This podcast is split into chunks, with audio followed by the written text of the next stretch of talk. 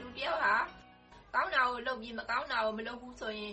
အသက်ကြီးတဲ့အထိ ဘဝကောင်းသွားဖို့ အလားအလာရှိတယ်လို့ ယုံကြည်ပါတယ်ရှင်။ကောင်းတာနဲ့ မကောင်းတာကို ဘယ်လိုခွဲခြားသိနိုင်မလဲဆိုရင်တော့ ကျမတို့ရဲ့ ဘာသာတရားအသီးသီးနဲ့ မိဘဆရာသမား မိသားစုကောင်းဝင်ခြင်းစာကောင်းပေကောင်းများ ဖတ်ရှုလေ့လာခြင်းများမှ ရရှိနိုင်မယ်လို့ ယုံကြည်ပါတယ်။ကျမတို့ရဲ့ ဗုဒ္ဓဘာသာမှာဆိုရင် ဘုရားရှင်ဟောကြားတော်မူတဲ့ မင်္ဂလာတုတ်တော်ဆိုတာ ရှိပါတယ်။အဲ့ဒီတုတ်တော်မှာ နံပါတ်10အချက်က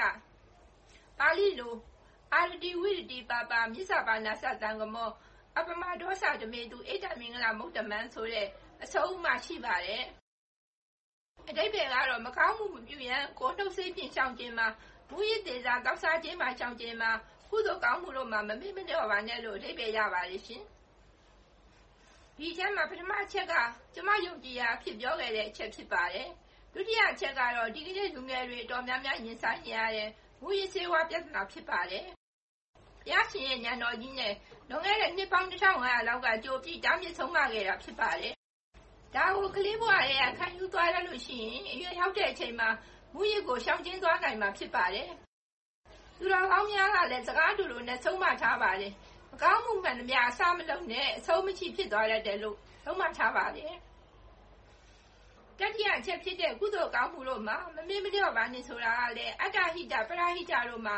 မမေ့မလျော့ မပေါ့ဆဖို့ ဖြစ်ပါတယ်။ကိုကောင်းမှုလည်း လုပ်ရပါမယ်။ကိုနဲ့နီးသော ဝေးသော သူများအတွက်လည်း ကောင်းမှုကို လုပ်ရမယ်လို့ ယုံကြည်ပါတယ်။အဲ့ဒါကလည်း ဘာသာတရားအမြင်နဲ့ တို့တို့ပဲ ပြောရရင် ဒါန သီလ ဘာဝနာသုံးပါလို့ မြင်ပါတယ်။တစ် အထိုင်ရောက်သိကမ်းနိုင်ရမယ်။နှစ်အနည်းဆုံး ၅ ပါးသီလ လုံခြုံရမယ်။သုံးသမထဝိပဿနာတရားတို့ကတော့ ဒီကနေ့ နိုင်ငံအသီးသီးမှာ ပြန့်ပွားထွန်းကားနေပြီဖြစ်လို့ ဝင်ရောက်လေ့လာ ကျင့်သုံးနိုင်ကြပါပြီ ဖြစ်ပါတယ်။ကျမပြောခဲ့တဲ့အထဲမှာ စာကောင်းပြေကောင်းများ ဖတ်ရှုခြင်းဖြင့် လောကီသကုတ်တရားအသိဉာဏ်များ ပွားများပြီး လူကြီးမိဘ ဆရာသမားများမှတဆင့် တပည့်သားမြင့်များ မိဘများမှတဆင့်သားသမီးမြင့်မြင့်များမိသားစုညီကိုမောင်နှမချင်းချင်းတငယ်ချင်းချင်းချင်းတို့တို့လက်ဆင့်ကမ်းမျှဝေနိုင်ပါတယ်ဒီနေ့ Facebook မှာ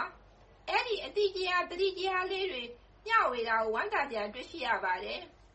ယနေ့လူငယ်နောက်ဝဲလူကြီးဆိုသလိုလူကြီးဘဝအနာဂတ်လပ်ပါနိုင်ဖို့ကလေးငယ်လေးတိုင်းဘဝလပ်ပါနိုင်ကြပါစေလို့ဆုတောင်းမေတ္တာပို့တာရင်ကျမရဲ့မိဘဆရာသမားများကို ဂါရဝပြုပြီး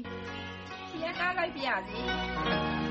အပတ်စဉ်တင်ဆက်နေတဲ့ သူယုံကြည်ရာကဏ္ဍအတွက်ဘလို့အကြောင်းအရာမျိုးမှမဆို ကိုယုံကြည်ရာလေးတွေကို ပါဝင်ဆွေးနွေးပြဖို့ ဖိတ်ခေါ်ပါရစေ။။ email လိပ်စာ burmese@voanews.com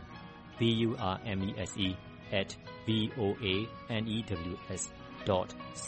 ကို စာရေးပြီး ဆက်သွယ်ရမယ့် တယ်လီဖုန်းနံပါတ်ကို အကြောင်းကြားလိုက်ပါခင်ဗျာကျွန်တော် ပြန်ဆက်သွယ်ပါမယ်